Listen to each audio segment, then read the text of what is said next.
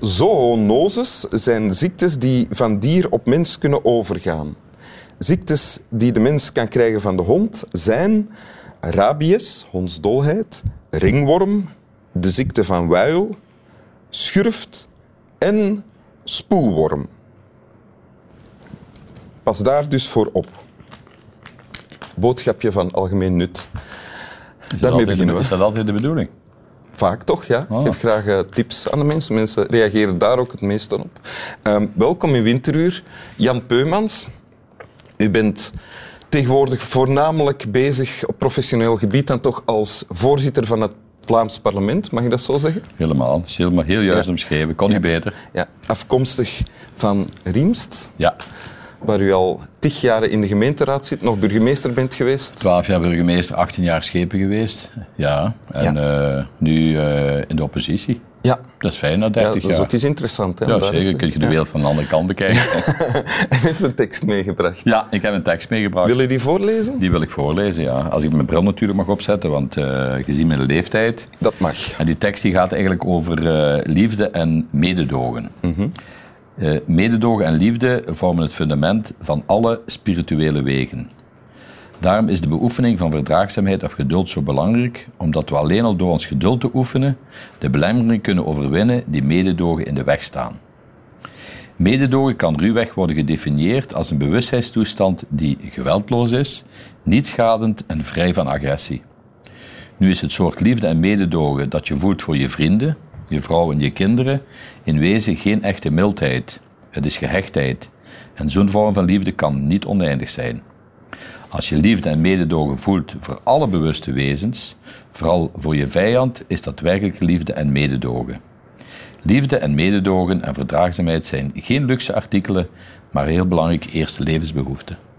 En dat is een tekst van eh, de Dalai Lama. Ja. En ik ben eh, ja, een beetje fan van de Dalai Lama. Is het waar? Ja, een beetje, een beetje veel zelfs. Sinds, sinds wanneer? Oh, dat is eigenlijk al gebeurd toen ik burgemeester was. Dat is toch wel een hele tijd geleden dat ik... eh, op een bepaald moment was er een actie van een partij in het Europees Parlement. En die vroeg namelijk om eh, elk jaar op, eh, op 10 maart...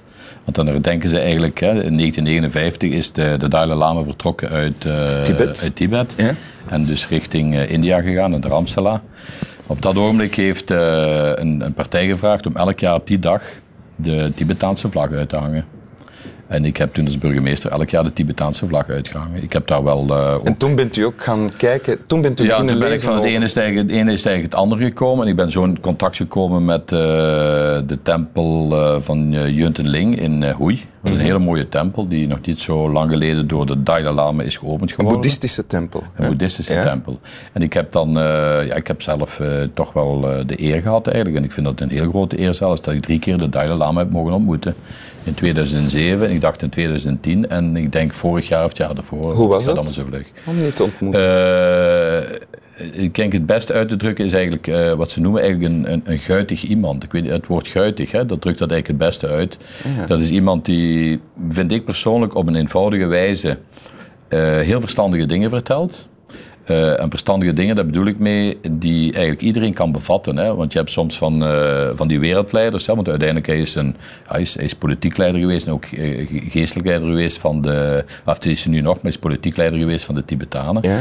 En wat dat betreft is hij iemand die op een eenvoudige wijze iets kan uitleggen wat ook iedereen, iedereen kan begrijpen. En dat vind ik eigenlijk wel heel belangrijk. Zoals hij hier doet in wat u net en hebt dat hij in die voorgelezen. tekst eigenlijk ook heel duidelijk het gaat over liefde en mededogen. Ja, hem zijn, eh, allee, de boeddhisten, een- ik ben dus zelf geen boeddhist. Hè. Ik zeg dat niet verontschuldigend, maar eh, ik weet wel dat hij tegen mij zei, eh, u moet geen boeddhist zijn om sympathie te hebben voor de boeddhisten. En ik heb sympathie voor de boeddhisten. Ja. Dus, eh, en de tekst hier, liefde en mededogen, als je die nu, dat is eigenlijk wel leuk Wim, als je die nu zou vertalen naar de politiek toe, Ja. en we zouden die elke dag toepassen, dan zou de wereld heel anders uitzien. Dat is gewoon zo omdat eh, mededogen, het woordje eigenlijk, mededogen is een beetje misschien een zwaar woord, maar je kan eigenlijk beter het woordje compassie Het woord compassie. Hè? Ja. Compassie hebben met iemand. Hè? Dat zeggen wij. En wil wel zeggen, compassie hebben met iemand is proberen iemand anders te begrijpen. eh allee, voor iemand anders eigenlijk lief te zijn. En eigenlijk te zeggen van, ja, je bent iemand, eh, hè, je bent een, een menselijk wezen waar ik respect voor heb, waar ik waardering voor heb enzovoort. En, heb ik het juist als ik zeg dat in, dat in de tekst die je voorlas, dat daarin gezegd wordt van iets eh, soortgelijks voelen voor uw familie, uw vrienden, uw kinderen enzovoort, telt niet echt. Het telt pas echt als je het kan opbrengen, of dat het kan gebeuren Eh, dat is bij je wat hij, wat hij in de tekst zegt van de, de- je bedoelt de gehechtheid.